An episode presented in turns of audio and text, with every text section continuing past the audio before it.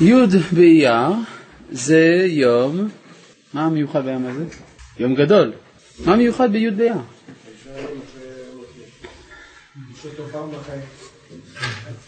יום הרצל. יום הרצל, יש חוק של מדינת ישראל שקבע את י' באייר כיום הרצל, כי זה יום הולדתו. במשך שנים רבות היו מציינים במערכת החינוך את כ' בתמוז, שהוא יום פטירתו, אבל מאחר וזה יוצא תמיד בחופש הגדול, יצא שילדי ישראל לא הייתה להם הזדמנות לשמוע על הרצל. על מנת לתקן את הדבר הזה, מדינת ישראל, הכנסת, תקנו שבי' באייר יצוין בכל מוסדות החינוך, גם בכנסת אגב, יום הרצל. זה היום שבו הוא נולד, כן? קיימת אה, כמו? לאדם? יש משהו מיוחד, כתוב שהצטגנני פרעה ראו בכוכבים ואמרו לפרעה נולד מושיען של ישראל. כלומר, משמע שיש משהו מיוחד ביום הלידה של המושיע. וכמו שיש גואל ראשון, יש גם גואל אחרון. עכשיו מה שמעניין מאוד שהספירה, בספירות של ספירת העומר, של י' באייר, מה הוא? נצח שבנצח. נצח זו מידתו של משה, כן, לפי המקובלים. ואז עכשיו אנחנו מתחילים להבין, אחרי כמה דורות, אחרי אלפי שנים, סוף סוף את, את, סוף סוף את הסוד של ספירת העומר.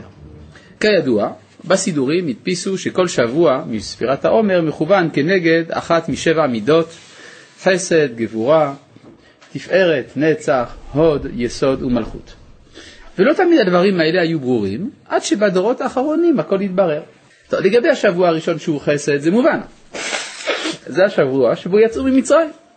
חסד נעורייך, לכתך אחריי במדבר. זה היה בשבוע הראשון של יציאת מצרים, וזה שבוע ראשון של ספירת העומר. השבוע השני, מידת הגבורה, היום אנחנו יודעים, זה יום השואה והגבורה, בשבוע השני, מידת הדין. עם הגלות הושלכה תפארת ישראל לארץ, חזרה תפארת ישראל למקומה, בספירת התפארת, יסוד שבתפארת, יום העצמאות. נצח שבנצח, מבחינתו של משה רבנו, גואל ראשון, גואל אחרון, הרצל, נצח שבנצח. ספירת ההוד, רבי שיעור בר יוחאי, הוד שבהוד, ל"ג בעומר. מה מיוחד שם?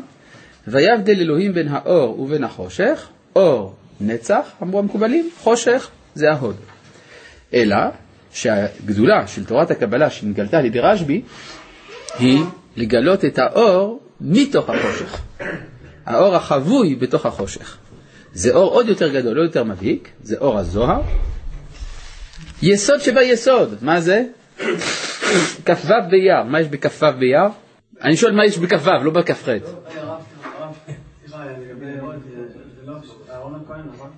נכון.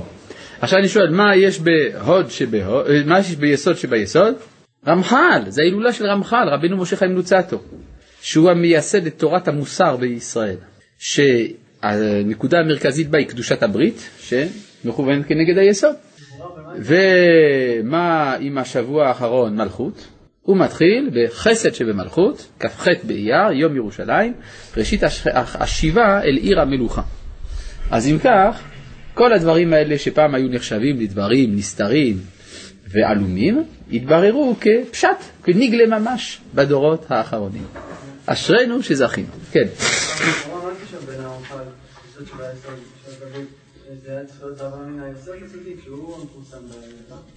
נכון, אותו דבר. הלאה. כמו ששאלת גם לפני כן על הארון. ובכן, אחרי כל ההקדמה הזאת, אחרי, זה, כל זה היה הרחבה של אמירת התאריך בתחילת השיעור. כן, אבל מה, על מה השיעור בכלל? השיעור הוא על מבוא לתפילה. בסדר? אה, בדקתי בשבועות. אה, או, מה? אוי, בדיוק הבוקר גם כן ביררתי. טוב, אתה רואה? נפלא. טוב.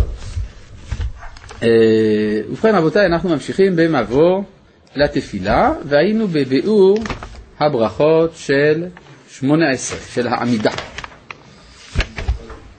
מה? אנחנו בברכת על הצדיקים, נכון?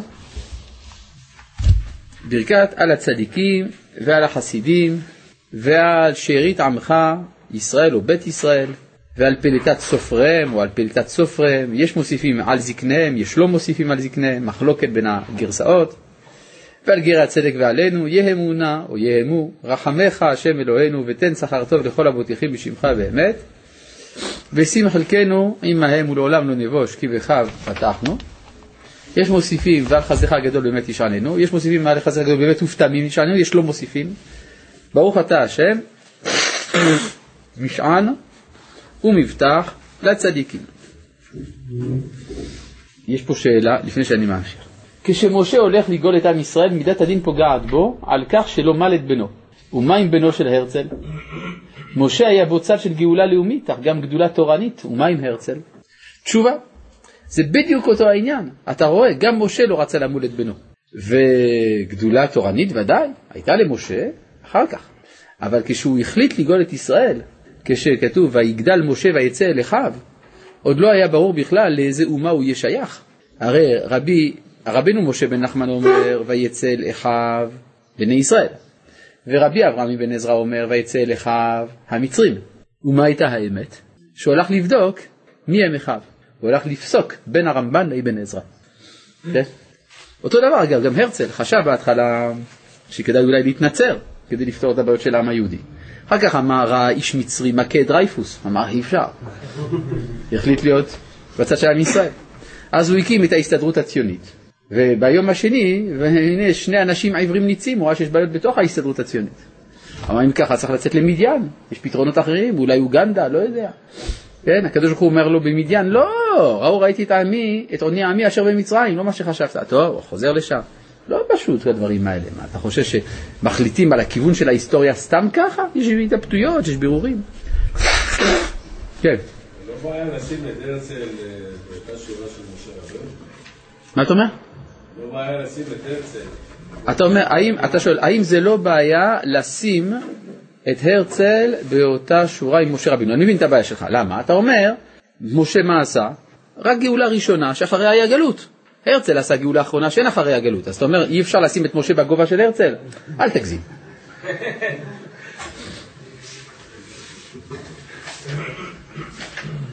אתה יודע, יש בנציב מוולוז'ין, יש לו מאמר הנקרא אה, אחרית כבראשית. בזמן הנציב מוולוז'ין, אמנם הנציב עוד לא הכיר את הרצל, לא הכיר את הרצל, אבל הוא הכיר את לאו פינסקר. פינסקר היה המייסד של אה, חובבי ציון. חובבי ציון היה אותו ארגון שהחליט, עוד לפני הציונות המדינית, לעשות ציונות התיישבותית. שהגיע הזמן להתיישב בארץ ישראל, הגיע הזמן של הקץ המגולה וכו' וכו', היו תקוות משיחיות, ואז הקימו את אה, פתח תקווה ואת ראש פינה, ושיתפו פעולה עם מקווה ישראל וכו' וכו'. עכשיו, רוב העסקנים בתוך הדבר הזה של חובבי ציון, היו דתיים, אבל היה מיעוט גדול מאוד של חילונים. כלומר, העסקנים הפעילים ביותר היו דווקא החילונים. יהודה לפינסקר וילג, כן, כל החבר'ה האלה.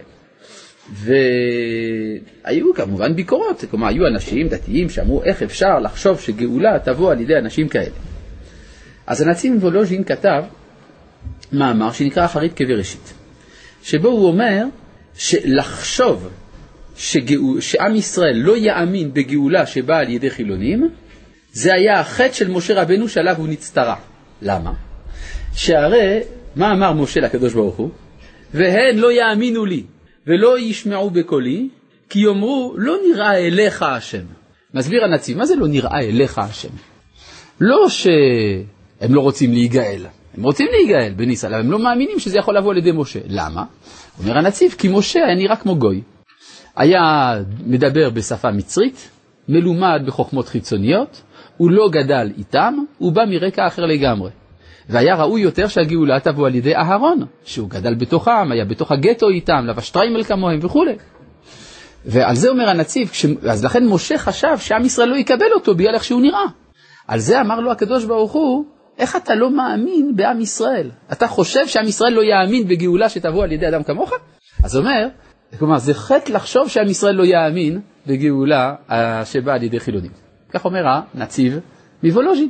טוב, לאור הדברים הפשוטים שהרב אומר, מדוע אם כן ההערכה להרצל איננה מקיפה את כל חכמי ישראל? מדוע הרב הוא המליץ יושר היחיד על הרצל?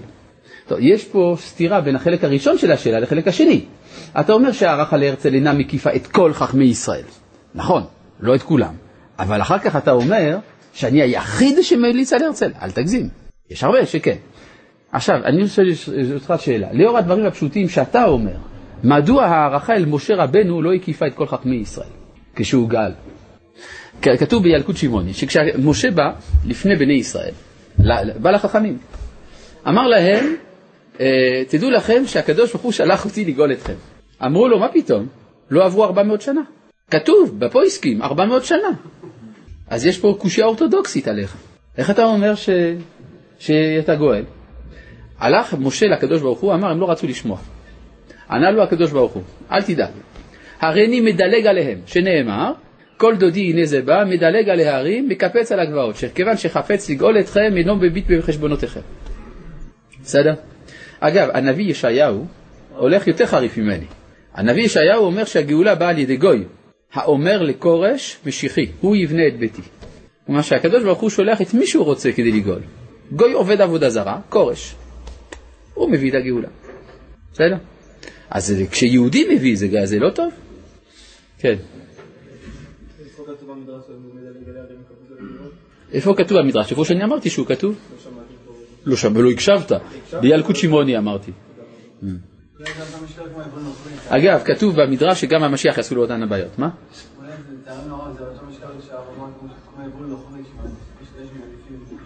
יש כאלה שמעדיפים יבול נוכרי. אה, זאת אומרת, עדיף גאולה שבאה על ידי גוי מאשר על ידי יהודי. בסדר, בסדר, אפשר גם. טוב, כל זה היה רק בגלל השאלה של השואל היקר, אליעזר, מהערוץ, כן? הוא שואל. טוב, אבל אני לא המליץ יושר היחיד על הרצל, לא צריך להגזים. הוא מתכוון שלמה לא את התמונה שלו פה. מדוע שלא לתלות את התמונה שלו פה? פה אנחנו לא תולים תמונות בכלל. אבל אם יתלו תמונות, למה לא? של הרצל, למה לא? מצוין. בחדר שלי פה אתה רואה, יש. כן? חוץ זה, הרצל לא עבר על חמישה לאווים, נכון? מי שמגלח בתער זה חמישה לאווים, הוא לא עבר על חמישה לאווים. הלאה. אה, בואו נחזור לנושא. על הצדיקים ועל החסידים.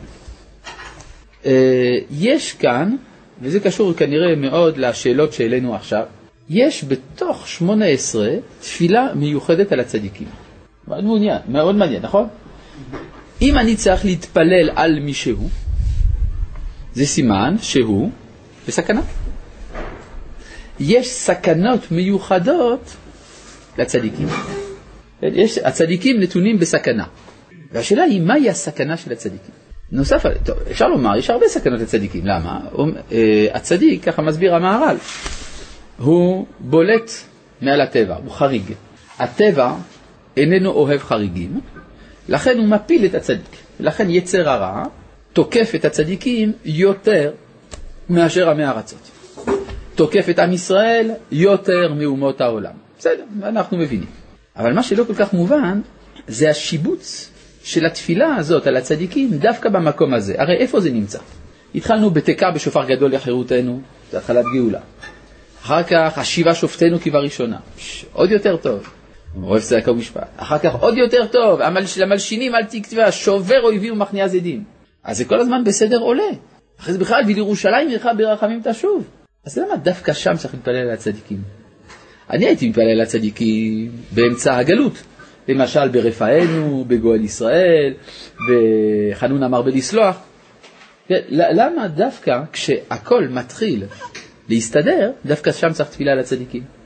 עד כאן השאלה.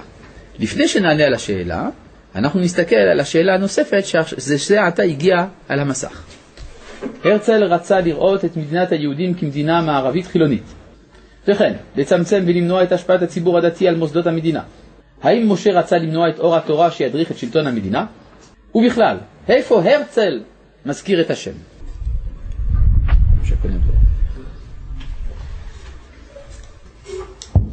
הרצל רצה לראות, אז בואו נחלק את חלקי השאלה.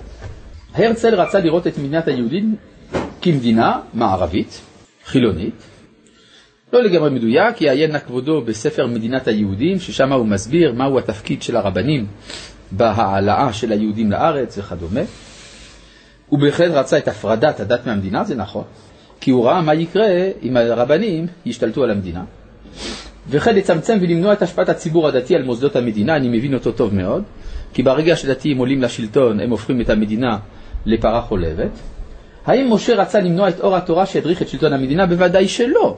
אז משה רבנו כשהוא קיבל את התורה, הוא ראה שהתורה היא תוכנית מדינית של האומה, לא דתיות.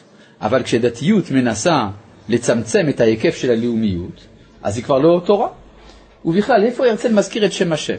בספר אלטנוילנד, ב, ב, ברומן ההיסטורי שהוא כתב על המדינה העתידה לקום, אז שמה הוא מביא איזו שיחה בין כל ראשי המדינה באיזו סעודת הודיה שהם עושים, ואז כל אחד שמה צריך לומר מי הקים את המדינה.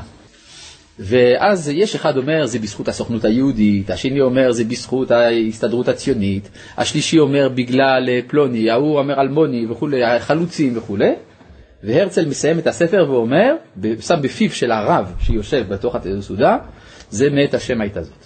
אז איפה הרצל מזכיר את השם? בשורה האחרונה של כל מה שיש לו לומר על המדינה. כן, כן, כן גיא, אל תחשוב. טוב. אה, ובכן, אה, בואו נחזור אם כן לנושא של השאלה, מדוע יש תפילה מיוחדת על הצדיקים ב... בסיום ה... אגב, אני רוצה להסביר לכם משהו, אולי לא לגמרי ברור. תארו לעצמכם שהקדוש ברוך הוא היה פונה אל ועדה של רבנים ואומר, אני מבקש מכם שתשבו ותגידו לי איך להקים מדינה על פי התורה. היו יושבים הרבנים, אחרי כמה חודשי דיון, הם היו אומרים לריבונו של עולם, ישבנו על הבעיה, אנחנו ראינו את כל השאלות שיכולות להתעורר, וראינו שיש פתרונות לכל הבעיות. אפשר להקים משטרה על פי התורה, צבא על פי התורה, כשרות, מערכת וכו', הכל, הכל הכל אפשר. אבל נצטרך בשביל זה לסמוך על כמה דעות של שעת הדחק. וקשה לנו לסמוך על הדברים האלה, ולכן אנחנו מציעים מכוח שב ואל תעשה עדיף, בינתיים לדחות את ביצוע הרעיון עד שיימצא פתרון יותר טוב. אבל הקדוש ברוך הוא, ברחמיו הרבים ובחסדיו הפשוטים, שרצה כבר להביא מדינה לעם ישראל כדי לקיים את הבטחתו לאברהם, יצחק ויעקב לתת להם את ארץ כנען, לא רצה לחכות ולכן שלח את בן גוריון עבדו, שלא אכפת לו האם זה יהיה כשר, האם זה ישמרו שבת, האם אה, יהיה טהרה, צניעות וכדומה, אבל להקים מדינה הוא יודע. לכן הוא שלח אותו. צריך לדעת וזאת האמת. עכשיו, כתוב בגמרא במסכת סנהדרין, דף צ"ח עמוד ב', אמר רב יהודה אמר רב, עתיד הקדוש ברוך הוא להעמיד להם לישראל דוד אחר. אז מה זאת אומרת? להעמיד להם לישראל דוד אחר. זאת אומרת שהמנהיג שיעמוד באחרית הימים להקים את המדינה, יהיה שמו דוד, אבל הוא יהיה אחר. כל מקום שכתוב אחר בחז"ל, מה זה? אפיקורוס. כלומר, זה האופן שבו זה יבוא. חוצפה יסגה כתוב, נכון? בעקבות משיכה, חוצפה יסגה, החוצפה תתגבר בעולם. מה זה החוצפה? החילונות. עתיד הקדוש ברוך הוא להעמיד להם לישראל דוד אחר. מישהו התקשר אליי לפני כמה ימים מפלורידה. שאל אותי, אני שמעתי את השיעור שלך באינטרנט שבו אתה אומר שדוד אחר זה דוד בן גוריון. האם אתה חושב באמת שהאמורה, רב, שאמר את זה, התכוון לזה? אני אמרתי, בוודאי שהוא לא התכוון לזה, כי הוא לא ידע מי זה דוד בן גוריון. אבל הקדוש ברוך הוא התכוון לזה. כלומר, בסופו של דבר, האופן שבו המאמר הזה של רב יהודה אמר רב התממש בהיסטוריה, הוא עובדתית דרך דוד בן גוריון. כלומר, איך שלא נרצה, זה האופן, זה, זה רוח הקודש שנזרקה בפיו של רב, ויצא מה שיצא. מובן? טוב, כן. האם זה טוב ש... שהרבנים לא יקימו אותם. אין שום דבר שנגד זה שהרבנים יקימו מדינה, רק הם לא הקימו. הם לא הקימו, זה לא סתם. כלומר, ייתכן מאוד שיש פה כוונה גם של ההשגחה העליונה, לשתף את כל הכוחות כולם, הרי הגאולה באה בסדר תשרק, כך אומרים המקובלים. מה זה תשרק? מהאות האחרונה, ת', ש', ר', ק', צדיק, כלומר, זה הכיוון ההפוך. זאת אומרת, זה בא מהקצוות היותר רחוקים ופונה אל הקודש, פנימה. כן?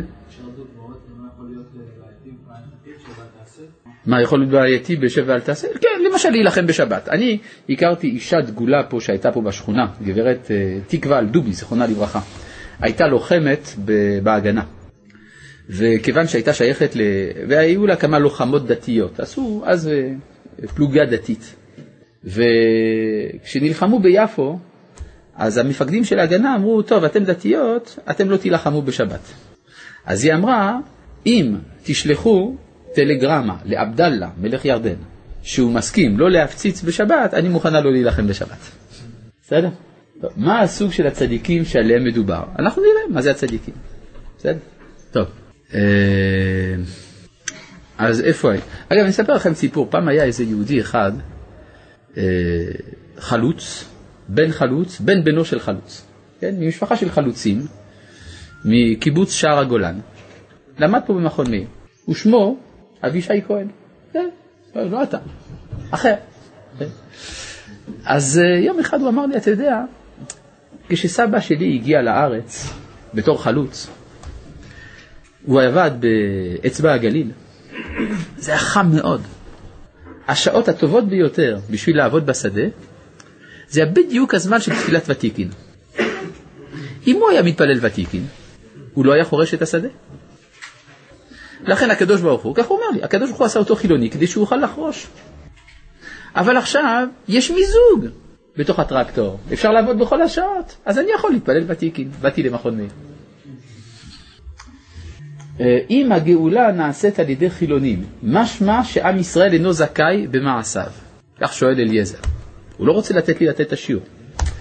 התשובה היא שאם הגאולה נעשית על ידי חילונים, זה אומר שעם ישראל זכאי בריבוע, שאפילו החילונים שלו עושים את הגאולה. פעם היה איזה רב אחד, הגיע לתל אביב, מחוץ לארץ. ואז הוא הגיע לאחד הרבנים בתל אביב ואמר לו, אני מזועזע עד עמקי נשמתי. ראיתי יהודים נוסעים בשבת. אצלי, בחוץ לארץ, גויים רק נוסעים בשבת. אמר לו הרב התל אביבי, כבודו אינו מבין. ארץ ישראל כל כך קדושה, שאצלנו אפילו הגויים הם יהודים. וזה אמיתי. מעשה ברב יהודה אשכנזי, זכר צדיק לברכה, שכומר אחד אמר לו, כבוד הרב, זה מאוד חבל שהחלוצים שבונים את אה, פלסטינה אינם דתיים. מדוע? משום שהם הרי מקיימים את דברי הנביאים. לא חבל שהם לא דתיים. אמר לו הרב, להפך. אם הם היו דתיים, היו אומרים, למה הם בונים את פלסטינה? כי הם מאמינים בזה, מאמינים בנביאים, אז הם רוצים שדברי הנביאים יהיו אמת. אבל הם הרי לא מאמינים בנביאים, ובכל זאת הם עושים את דבריהם, זה סימן שזה יד השם. אתם חושבים שהכומר הבין? לא, אבל לא נורא. טוב. לבן גוריון היה אכפת אם אם תהיה כשרות או מקוואות, הוא דאג להעביר אלפי ילדים שעלו לארץ מארצות המזרח למוסדות חילוניים. הוא הכניס לימוד של תנ"ך עם ביקורת המקרא. הוא דאג שהחינוך יהיה בעל אופי חילוני. נכון? זה בדיוק מה שאני אמרתי. בן גוריון לא היה אכפת לו שיקשרו אותו מקוואות. ואדרבה, הוא אפילו רדף את הדת. הוא היה אדם שהיה שונא תורה, שונא רבנים לפחות. כן, נכון. והקדוש ברוך הוא הביא גאולה על ידו. איך שלא תרצה. זאת עובדה. פעם אחת, הבבא סאלי, רבי ישראל אבו חצירה, זכותו הגן עלינו, עליו שלום, הסתבח שם. הוא אמר לנהג שלו, לנהג שלו, ככה, שלו, כן, שלו, אמר לו, בוא ניסע לשדה בוקר, לקבר של בן גוריון. אמר לו הנהג, כבוד הרב, למה? אמר לו, מצד אחד יש לו זכות גדולה שהוא הקים את המדינה, מצד שני הוא היה אפיקורס. אז זה מצווה לעלות לקברו, לעשות לו תיקון. אה? טוב. אני לא יודע אם היום יש שיעור על תפילה. טוב. תורה היא וללמוד אני צריך.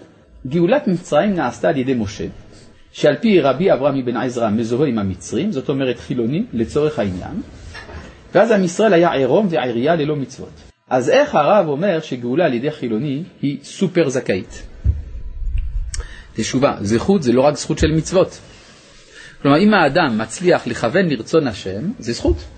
ורצון השם היה להביא גאולה, גם בזמן יציאת מצרים וגם בזמן הרצל.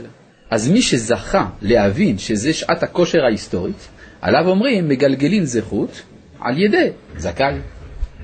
ברור לך אליעזר? יאללה, תן לי לתת את השיעור, בבקשה, דחילק, אל תהיה כזה. טוב, נמשיך. אז על הצדיקים ועל החסידים, כאן אנחנו צריכים ללמוד מהי הסכנה של הצדיקים. כלומר, פה אנחנו רואים שכביכול יש סכנה מיוחדת בזמן הגאולה. אה, יש, מבחינת העובדות ההיסטוריות שאנחנו כבר מכירים, יש באמת מקום לשאלה גדולה. הרי אנחנו ראינו שבאמצע מהלך הגאולה הייתה השואה. עובדה. נכון? אי אפשר לכתוב את ההיסטוריה מחדש. היא נכתבה. הייתה, כלומר, החל תהליך של גאולה, התחילו המושבות הראשונות בארץ ישראל, אחר כך הייתה הצהרת בלפור והמנדט הבריטי להקמת בית לאומי לעם היהודי, התחילו עליות גדולות לארץ ישראל, וטראח, שואה. זה דבר תמוה מאוד. והשואה במי פגעה? בצדיקים. אז אם כך, אנחנו גם רואים כעובדה, עובדה היסטורית, שיש סכנה לצדיקים באמצע מהלך הגאולה. עכשיו, אנחנו כאן לא ניכנס לשאלה שאנחנו רגילים לעסוק בה בזמנים אחרים. מהות השואה, האם יש הסבר לשואה או אין הסבר לשואה. אנחנו לא דנים עכשיו בשאלה הזאת, אנחנו רק לוקחים את זה בינתיים כעובדה, שאכן יש סכנה לצדיקים לקראת הגאולה. כאן צריך להיכנס קצת יותר לעובי הקורה. נאמר, שאנחנו רואים בספר איוב, אה, ששם נשאלת שאלת הרע שפוגע בצדיקים, שיש אדם שעליו הכתוב אומר, והיה האיש ההוא תם וישר, וירא אלוהים, ושר מרע. אם כן, הוא אדם נקי, ללא רבב, ללא חטא, נכון? תם וישר, ירא אלוהים, ושר מרע. ואף על פי כן, באים עליו כל מיני ייסורים. וכל הספר דן בשאלה של ייסורי הצדיק. בסדר?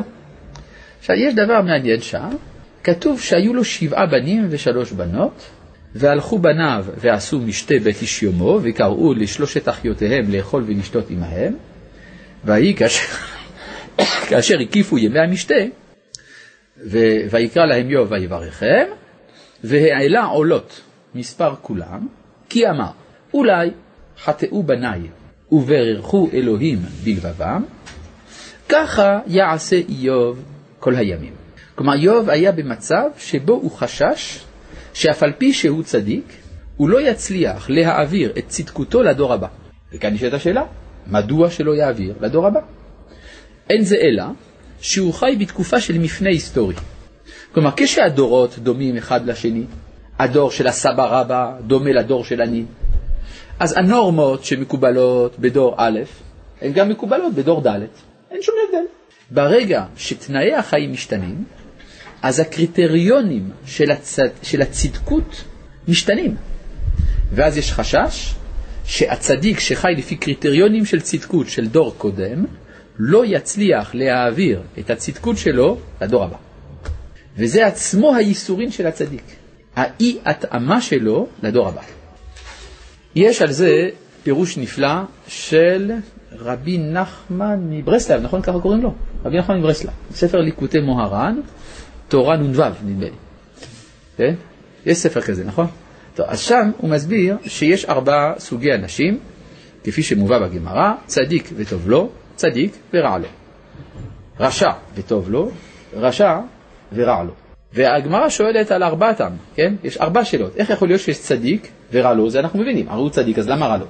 אבל יש גם שאלה, למה אם הוא צדיק, טוב לו? מה, לא מספיק לו שהוא צדיק, שגם יהיה טוב לו? ורשע וטוב לו, זה לא מובן. איך יכול, אם הוא רשע, אז איך טוב לו? אבל גם רשע ורע לו. מה, לא, לא די לו שהוא רשע? גם צריך שיהיה רע לו? כן? יש ארבע שאלות. אבל מהם אותם ארבעה אנשים? מסביר רב נחמן כך, צדיק וטוב לו זה צדיק שהלכה כמותו. צדיק ורע לו זה צדיק שאין הלכה כמותו. מה פירוש? הלכה כמותו, אין הלכה כמותו. מה זה הלכה בכלל?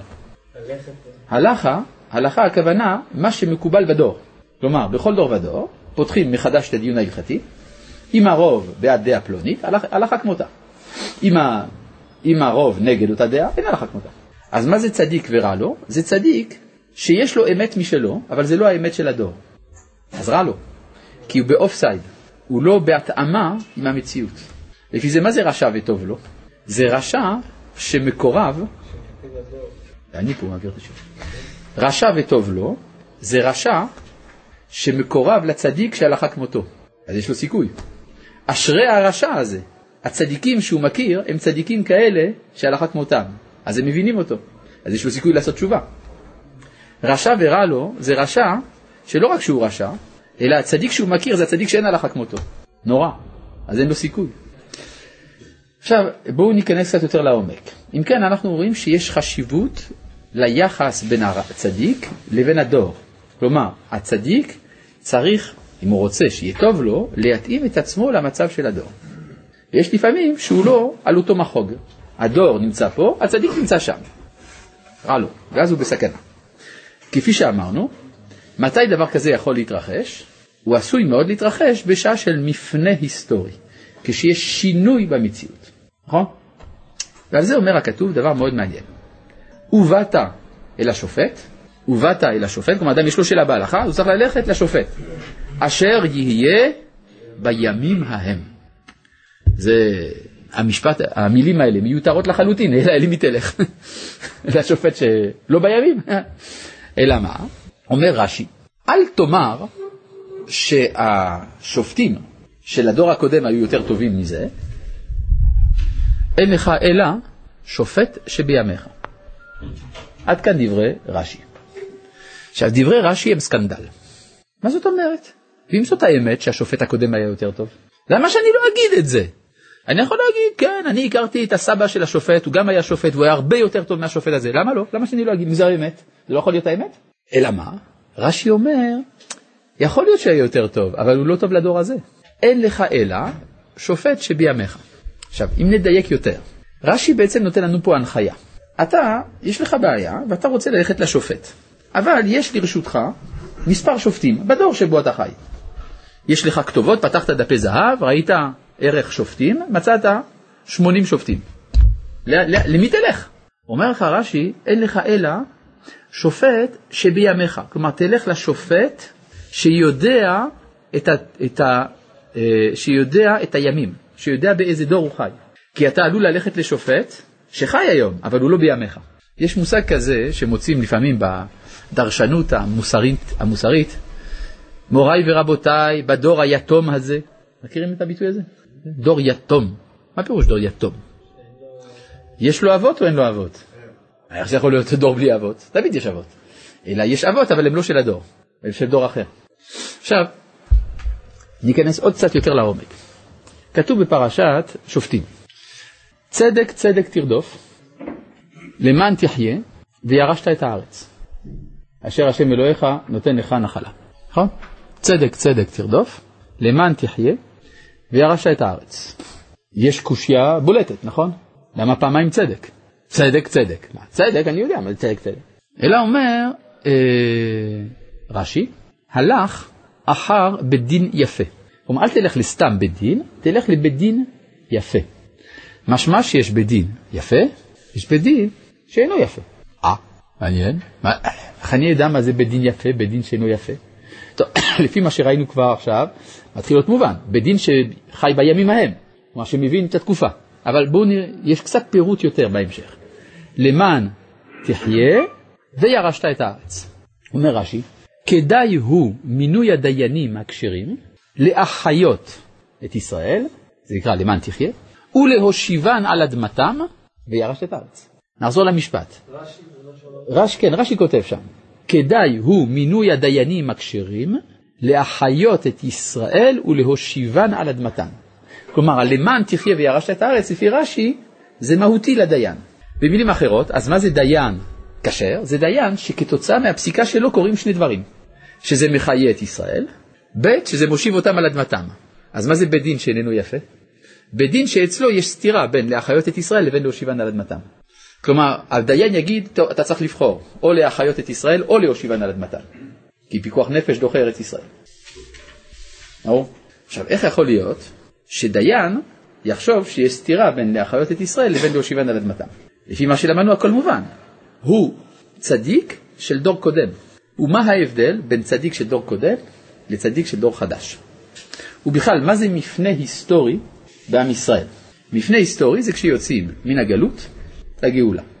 והנה, גם ברכת על הצדיקים מופיע במעבר מן הגלות לגאולה. הבה נתבונן עוד קצת, אני פשוט דורש פה לעשות קצת מאמץ אינטלקטואלי היום. הצדיק בזמן הגלות הוא בולט, הוא בולט בצדקותו הפרטית. כי החיות של הגלות זה הפרט. עוברים לארץ ישראל, כבר עוברים לקדושת הכלל. אז מה זה, אז כאן, כאן הסכנה של הצדיק. אם הצדיק כבר לא יודע לינוק את, את, את קדושתו מההצטרפות אל הכלל, הוא נשאר צדיק שיונק את קדושתו מפרטיותו, אז הוא סובל. לכן יש כאן סכנה, והוא עלול גם לא לעלות לארץ בזמן. הוא יכול להיות גם נספה בשואה. ולכן דווקא בין, באמצע ברכות הגאולה מופיעה תפילת על הצדיקים. כי הצדיק הוא עלול להיות מוד... לא להיות מודע לצורך של התחברות לקדושת הכלל. אני רוצה להרחיב את זה עוד קצת, אם תרשו לי. אפשר? כן, אפשר, תודה. אה, בפרשת חוקת כתוב כך: וישלח משה מלאכים אל מלך אדום. מבקש לעבור דרך אדום. אחר כך כתוב קצת כמה פסוקים אחרי זה, וישלח ישראל מלאכים אל סיחון מלך האמור. מי זה ישראל ששלח מלאכים אל סיחון? אומר רש"י, זה משה. רש"י מביא הוכחות ש... שזה משה. כן, הרי כתוב בספר דברים, ואשלח מלאכים ממדבר קדמות אל סיחון. אם כן, אותו ישראל ששלח זה משה בעצמו. אז למה רש"י, אז למה משה נקרא ישראל פתאום? אומר כי ישראל הם משה, משה הוא ישראל, שנשיא הדור הוא כל הדור, שהנשיא הוא הכל. עד כאן דברי רש"י. כן? נשיא הדור הוא כל הדור, שהנשיא הוא הכל. סגנון, גם מהר"לי, גם חב"די ביחד, כן? רש"י. עכשיו נשאלת השאלה, בסדר, כבודו של רש"י אני מבין. מד... אבל למה כשהוא שולח למלך אדום, התורה קוראת למשה משה, כשהוא שולח לשיחון היא קוראת לו ישראל? כי כשהוא שולח למלך אדום זה בגלות, במדבר עדיין. אז משה בולט בפרטיותו. כשהוא שולח לסיחון זה כבר בארץ ישראל. אז כאן הצדיק בטל לכלל, לכן נקרא ישראל. אז הצדיק צריך לעבור השתנות, לעבור טרנספורמציה, מצדיק פרטי לצדיק כללי. כאן צריך להתפלל על הצדיקים ועל החסידים. נכון, שיחזיקו מעמד במעבר. יש היום ציבור רחב מאוד. כאן שואל, השואל בצג המחשב. יש היום ציבור רחב מאוד, שעד היום הולכים ושואלים לשופט שכבר לא פה היום. נכון, נכון. כן. ויש גם, אני אוסיף על השאלה הזאת, יש גם ציבור גדול שפונה אל שופט שכן כאן היום, אבל הוא לא מדבר על כל הדור. אתה צודק, זאת אומרת, יש, אפשר לפנות אל השופט שחי היום, אבל הוא לא בימים ההם. הוא לא בימיך, נכון, זה יכול להיות. ואפילו למרות שכאילו, שהוא רואה פה גאולה וכל הדברים האלה, ועדיין... כן, כן, בהחלט, זה בהחלט אפשר. כן, בבקשה. אבל בברכה, כאילו מוזכרים כולם, צדיקים, חסידים, נכון, כולם. ישראל, זקנים, כולם, פריטת בית ספר גרי הצדק, כולם. נכון, כי כולם בסכנה. כן, שמת לב, מה הייחוד בסכנה של הצדיקים? כולם צדיקים, כל אלה שאתה הזכרת כאן הם צדיקים. כן, אה, למשל, יש אה, דבר מעניין, ב... אנחנו אומרים את זה בפסוקי דזמרה, זה מזמור בתהילים, כתוב כך, אה, עושה משפט לעשוקים, נותן לחם לרעבים, השם מתיר אסורים, השם פוקח עיוורים, השם זוקף כפופים, השם אוהב את גרים, אה, אה, אה, השם אוהב צדיקים. כלומר, בין כל המסכנים, כן, בין העשוקים, רעבים, אסורים, עיוורים, כפופים, יש גם צדיקים. כן? זה אומר שהם במצב שהם צריכים שמירה. האם ראש, רש"י לא כותב, הלך אחרי בית דין, הלך בצרה. כלומר ציווי, היה מתהלך. טוב, קודם כל, לא צריך להגיד הלך, אלא צריך להגיד הלך, כיוון שזה משקל קל ולא פיעל. זה ציווי, אתה צודק, אבל אומרים הלך. בחטף פתח תחת הה וקמץ תחת הלמד ושבע תחת הכף. האם דברי רש"י מוכיחים שבג"ץ לא מחיים את ישראל ומעיפים אותם מאדמתם? לא יודע, צריך לשאול את רש"י. הכיצד ייתכן נשמות של דור ישן בדור חדש? מה הם עושים פה? מדוע הקדוש ברוך הוא מניח אותם פה שלא במקומם ההיסטורי? הם גם מהרסים ומחריבים וגם מסכנים. אל תקצו. לכל אדם יש שליחות. יש שליחות גם למי שמתנגד למהלך הדור. זה גם לזה יש תפקיד. אפילו הרב קוק באגרות ראייה כותב בכמה מקומות על התפקיד שיש למתנגדי דעתו. המתנגדים, הרב קוק מסביר מדוע יש גם אנשים שמתנגדים לדעה שלו ולמה זה טוב שהם מתנגדים. אז לא צריך להגזים. כן, בבקשה. למה באי הרצון של הכרזת החודש, לפחות הספרדים, הם מבקשים לקיים את כל חכמי ישראל וכדומה. הנחה שגם הם צדיקים זה. למה צריך את החילוק? חילוק, לא הבנתי. זה שאנחנו מתפללים על הצדיקים זה בסדר, מה הבעיה? למה עוד להוסיף גם באי רצון? קיים לנו את כל חכמי ישראל. נו, אומרים את זה. למה? לא מספיק ב-18? אה, אה, למה יש גם יהי רצון לקיים לנו את כל חכמי ישראל? כן, שהספרדים אומרים את זה בהכרזת החודש, אשכנזים אומרים את זה בשני וחמישי, בקריאת התורה. למה, למה לבק... הרי כבר ביקשנו את זה בתפילת שמונה עשרה. לא יודע. ודאי שיש דבר שאני לא יודע. כן. מי הם השופטים? מה? מה? מי הם השופטים בדור שלנו? השופטים, בבית דין? בית דין, כן. יש בית דין. כן, בבקשה. מה? מה? זאת אומרת, בן אדם שמוכרז על ידם כשופט, זה הכוונה של... זה גם אז מי עוד חוץ מה... המנהיגים, כל מנהיג, אה? זה מנהיגות, זה ביטוי של מנהיגות, שופט זה ביטוי של מנהיגות, כן. מה? מנהיגות שמייצגת את הדור, זאת אומרת, בימים ההם. תמיד יש מנהיגים, בכל דור יש מנהיגים, אין דור בלי מנהיגים, זה לא קיים. איזה אחד מהם נכון. לא מייצג את הדור? מה? איזה אחד לא מייצג... השאלה אם הוא מבין את מהות הדור שבו הוא חי. כלומר, לפעמים השופט יכול להנהיג את הדור על פי קריטריונים ששייכים למציאות הקוד- אחרת. כן, מובן? יש לפעמים הנהגה שהייתה נכונה בתנאים מסוימים, ואותה הנהגה היא לא נכונה בתנאים החדשים. אבל מי, מי.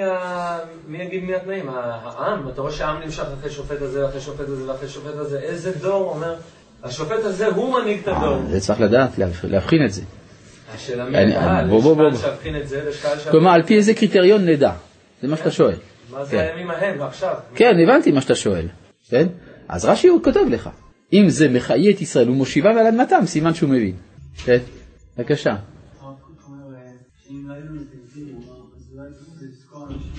כן, נכון, נכון. אתה מבקש שאני ארחיב את מה שאמר הרב קוק, שאם לא היו לו מתנגדים, אז היה צריך להמציא אותם, או לזכור אותם, כן? ואתה רוצה שאני ארחיב, אני לא עושה את זה. למה? למה? תגיד למה? זה אומר כי זה כן מתנגדים שם. זה, זה קשור לשיעור, אבל זה לא נושא השיעור. נושא השיעור זה תפילת על הצדיקים שבתפילת שמונה עשרה. הנושא הוא לא הצדיקים. כי אם אתה רוצה שנדבר על הצדיקים, זה נושא כל כך רחב ביהדות, שאפשר לגרור את זה לכל כיוון שהוא. ואני לא אכנע. זהו. כן, בבקשה, דבר.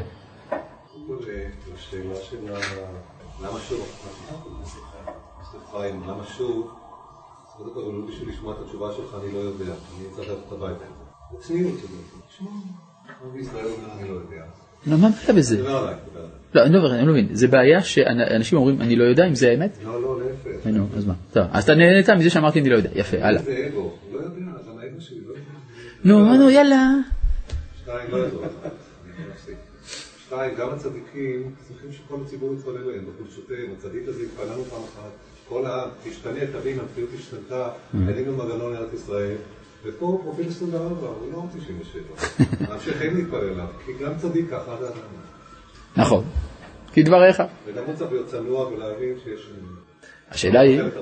אה, טוב, יפה. אתה רואה, אז לא מספיק להתפלל פעם אחת. צריך עוד. טוב, ובכן, בואו עכשיו ניכנס לפרטי הברכה. על הצדיקים ועל החסידים. מה ההבדל בין צדיק לחסיד? אולי קודם כל להגדיר מה זה צדיק. מה ההגדרה של צדיק? בכלל לא יודע מה זה צדיק? צדיק זה מי שעושה את הטוב ואינו עושה את הרע. זו הגדרה של צדיק. לא מסובך יותר מזה. הוא עושה את הטוב, לא עושה את הרע, זה צדיק. מה זה חסיד? הוא עושה יותר. יש מה שנקרא מידת חסידות. מידת חסידות כלומר, אתה לא חייב, אבל זה טוב לעשות. אז הוא עושה. עכשיו יש בעיה. כשאני רק צדיק, אני יודע בדיוק מה צריך לעשות. אם אני חסיד, ואני רוצה להוסיף, אני עלול לעשות שטויות. יש מה שנקרא צדיק שוטה. מה זה צדיק שוטה? חסיד שוטה, סליחה. החסיד השוטה, הוא החמיר על עצמו, עשה יותר, אבל בכיוון הלא נכון. הגמרא מביאה דוגמה, מה זה חסיד שוטה, התלמוד הירושלמי, אומר זה אדם שרואה אישה טובעת בנהר. עכשיו, אם אישה טובעת בנהר, מה צריך לעשות? להציל אותה. צריך להיכנס למים, לתפוס אותה בגופה, לחבק אותה חזק, להוציא אותה מהמים. עכשיו, הצדיק הזה, החסיד הזה, הוא רואה את האישה טובעת בנהר, והוא אומר, נכון, צריך להציל אותה, זה ההלכה. אבל, יש בעיה, כיוון שהוא חסיד, הוא גם מניח תפילין כל היום. אז הוא אומר, אני אוריד את התפילין, כדי שהם לא יירטבו, ורק אז אני אקפוץ למים. בינתיים, היא מתה. זה נקרא חסיד שוטה. הרב צבי היה רגיל להביא את התשובה הזאת, את, ה, את, ה, את ההגדרה הזאת. עכשיו, זה, יש, אפשר להבין את זה בכמה כיוונים. מה פירוש הדבר הזה שהוא מוריד את התפילין? זה מהקדושה שלו. יוצא מהקדושה שלו. יוצא שכשהוא בא להציל, אז הוא נטמע. או אפשרות נוספת, שהוא לא מצליח לראות את הקדושה שיש בהצלת החיים של ישראל. כי הוא כל כולו תורה ולא ישראל. יש גם זה. כן. טוב, על כל פנים, יכול להיות חסיד שוטה.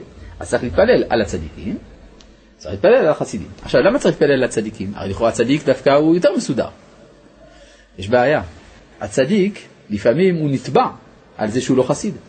איך הסכמת להיות צדיק בלבד, כשהמציאות דרשה ממך להיות חסיד? זה לא כל כך פשוט, כן? למשל, אמרו על נוח, נוח איש צדיק, זאת הבעיה. הוא היה רק צדיק ולא היה חסיד, לכן יש טענות נגדו. אז צריך להתפלל על הצדיקים, אז צריך להתפלל גם על החסידים, כי החסיד הוא עושה יותר, אבל אולי הוא עושה לא נכון. הלאה. ועל שארית עמך בית ישראל. למה צריך להגיד שארית? תגיד, ועל עמך בית ישראל. כי, כי אנחנו שארית, אנחנו לא עם ישראל המקורי. מי זה עם ישראל המקורי? 12 שבטים. כלומר, האופי הכללי של עם השם מתברר כשיש כל הזהויות שמרכיבות אותו. ראובן, שמעון, לוי, יהודה, דן, נפתלי, גד, אשר, יששכר, זבולון, יוסף, בנימין. אם חסר משהו בזהות הזאת, אז יש כבר עיוות של הזהות שלנו. מאז שגלו עשרת השבטים בימי הושע בן אלה, אנחנו במצב של שארית.